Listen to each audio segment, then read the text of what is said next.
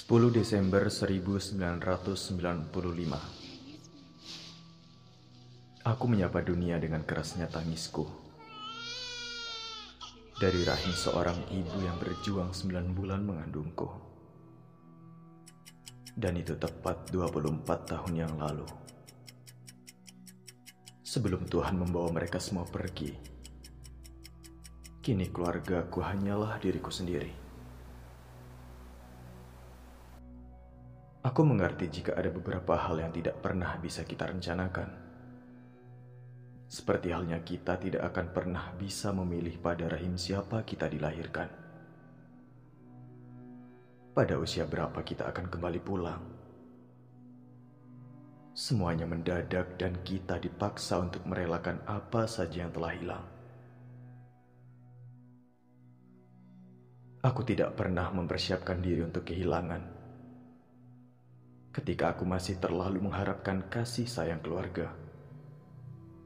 Hangatnya peluk seorang ayah, lembutnya sentuhan dari mama, dan tingkah jahil seorang kakak pada adik perempuannya. Keluargaku mekar dengan sangat indah, sehingga Tuhan memetiknya satu persatu dan tersisa aku yang sebatang kara. Apakah aku tak seindah mereka? Kenapa hanya aku yang Tuhan sisakan? Aku memperhatikan orang-orang menanam bunga dan terlebih dahulu memetik bunga-bunga yang mekar. Apakah seperti itu Tuhan memperlakukan keluargaku? Lantas kenapa aku dibiarkan kering dan layu sendirian? Segalanya belum aku persiapkan Aku yang masih rapuh, benar-benar terpukul ketika satu persatu mulai hilang. Diawali dengan mama, kemudian ayah, berlanjut hingga kakak. Serasa tulang belulangku tak lagi kuat menopang. Seperti ranting yang disesap benalu hingga kering kerontang. Telinga yang tak lagi mendengar celoteh mereka mata yang tak lagi menyaksikan tawa mereka. Ada yang ingin kuledakkan di kepala. Dada yang ingin kurobek hingga tak kurasakan lagi sesaknya. Aku bukan lagi kehilangan setengah sayap kehidupan, melainkan hanya tersisa raga yang kedinginan. Aku kehilangan tempatku berteduh. Tiang-tiang itu tak lagi ada untuk menopangku. Hari-hariku menjadi hambar saat tak kudapati lagi manisnya kebersamaan. Banyak hal yang tiba-tiba berubah. Awalnya aku mengira bahagia itu bertahan lama, namun nahas. Hal itu hanya sementara.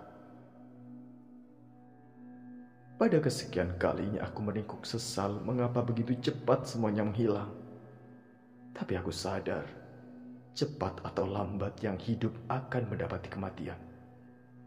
Yang lahir akan beranjak dewasa bersama keluarga ataupun sendirian. Kini aku adalah perempuan yang kesepian, yang bangun di pagi hari bersama kehampaan. Pada tiap sudut ruang yang kutatap hanya kekosongan Kini kisahku adalah tentang mengikhlaskan yang hilang, baik yang telah terjadi ataupun yang akan datang. Aku sempat mengira hidupku selanjutnya akan sia-sia, sebab tidak ada lagi alasanku untuk mempertahankan nyawa. Namun terlalu bodoh untuk kulakukan, karena aku tidak ingin mati sebagai pecundang. Ada satu hal yang menjadi sebab aku mempertahankan kewarasan. Mungkin Tuhan sengaja menjadikanku bunga kering dan layu untuk menghidupi benih-benih yang akan tumbuh di masa mendatang. Karena aku bertekad menjadi bunga yang tidak akan mati sebelum sari-sariku tumbuh dan bermekaran. Aku akan menjadi bunga yang dikenang oleh banyak orang di mana mereka yang akan berkisah kepada keluarganya jika pernah ada setangkai bunga sebatang kara yang dengan tabahnya melanjutkan kehidupan. Musim akan selalu datang bergantian, dan akan selalu ada semi setelah kemarau gersang. Kemudian waktu akan mengajarkan jika berdamai dengan keadaan adalah kebijaksanaan. Aku pernah meminta Tuhan menyesali yang telah diperbuat kepadaku. Sebelum aku tahu, di luar sana masih banyak manusia yang juga memiliki kisah pilu. Banyak dari mereka yang pada setiap harinya memikul beban. Hanya saja mereka menyandarkan segalanya kepada Tuhan dan kemudian mereka tersenyum.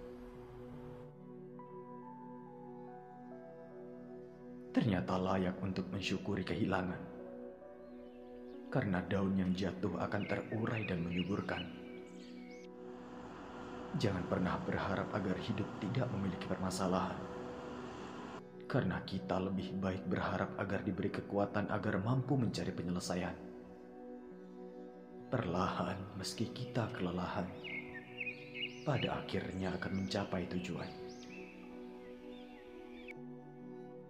Aku tidak ingin menjadi tawanan masa lalu.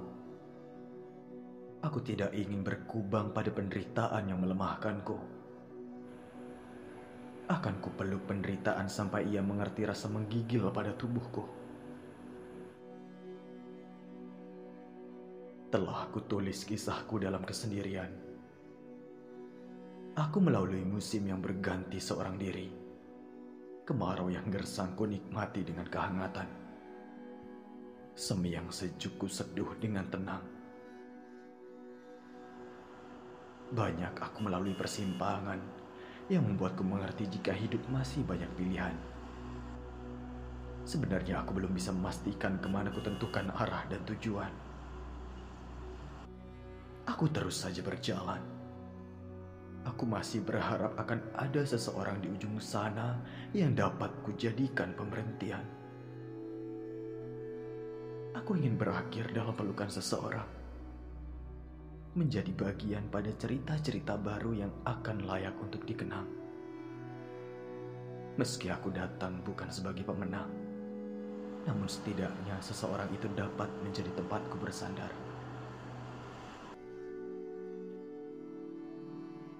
Besar harapanku untuk menemukan keluarga baru. Karena aku tidak ingin pada akhirnya pulang dalam keadaan layu. Aku menginginkan sentuhan lain meskipun tak akan sehangat dulu. Karena tak ada yang lebih menghangatkan selain sentuhan seorang ibu. Penderitaan telah mengendap di hatiku. Seringkali kurasakan perih pada sesaknya dadaku. Rasanya aku ingin terus menangis sepanjang malam, namun sering kali air mataku tak lagi keluar. Ayah, Mama, apa kalian memperhatikanku dari atas sana? Lihatlah aku, bayi perempuan yang kalian tinggalkan sendirian. Memohonlah pada Tuhan untuk semalam saja kalian berkunjung. Di sini aku kedinginan sendirian. Aku ingin sekali lagi merasakan sentuhan kalian ingin sekali lagi terlelap bersama kalian di satu ranjang. Lihatlah, bayi perempuan yang dulu kini mekar sendirian, bertahan hidup dengan didikan yang kalian berikan. Meski terombang ambing, namun aku masih berusaha untuk bertahan. Aku menyusuri tiap jengkal kehidupan dengan banyaknya cobaan. Duri-duri tetap kujejaki meski terasa perih pada telapak kaki. Bahkan tak jarang ku cicipi racun yang orang-orang keji itu taburkan agar aku mati. Sudah banyak aku melalui badai seorang diri. Pernah ku biarkan tubuh ini diterpa namun tak kunjung menemukan mati. Mungkin benar. Tuhan masih menginginkanku untuk memainkan peran di dunianya. Masih banyak hal berarti yang harus ku kenyam Masih banyak waktu untuk ketemukan lagi kebahagiaan. Aku mulai berpetualang sebagai perempuan kesepian. Aku tak lagi ingin berada pada lingkaran yang membuatku selalu menangis keadaan. Aku akan terus berjalan dengan memikul segala beban. Sejujurnya, hidup sendiri adalah sesuatu yang membosankan. Mungkin memang ketakutan dasar manusia adalah hidup dalam kesepian. Dan kesepian cenderung menggiring kita ke arah penderitaan. Padahal siap atau tidak, pada akhirnya kita juga akan sendirian. Aku mengerti. Ternyata dalam kehidupan tidak ada yang perlu diperjuangkan secara berlebihan. Kita perlu sadar batas. Kita harus tahu sampai mana kita mampu. Kemudian biarkan sisanya diurus oleh Tuhan.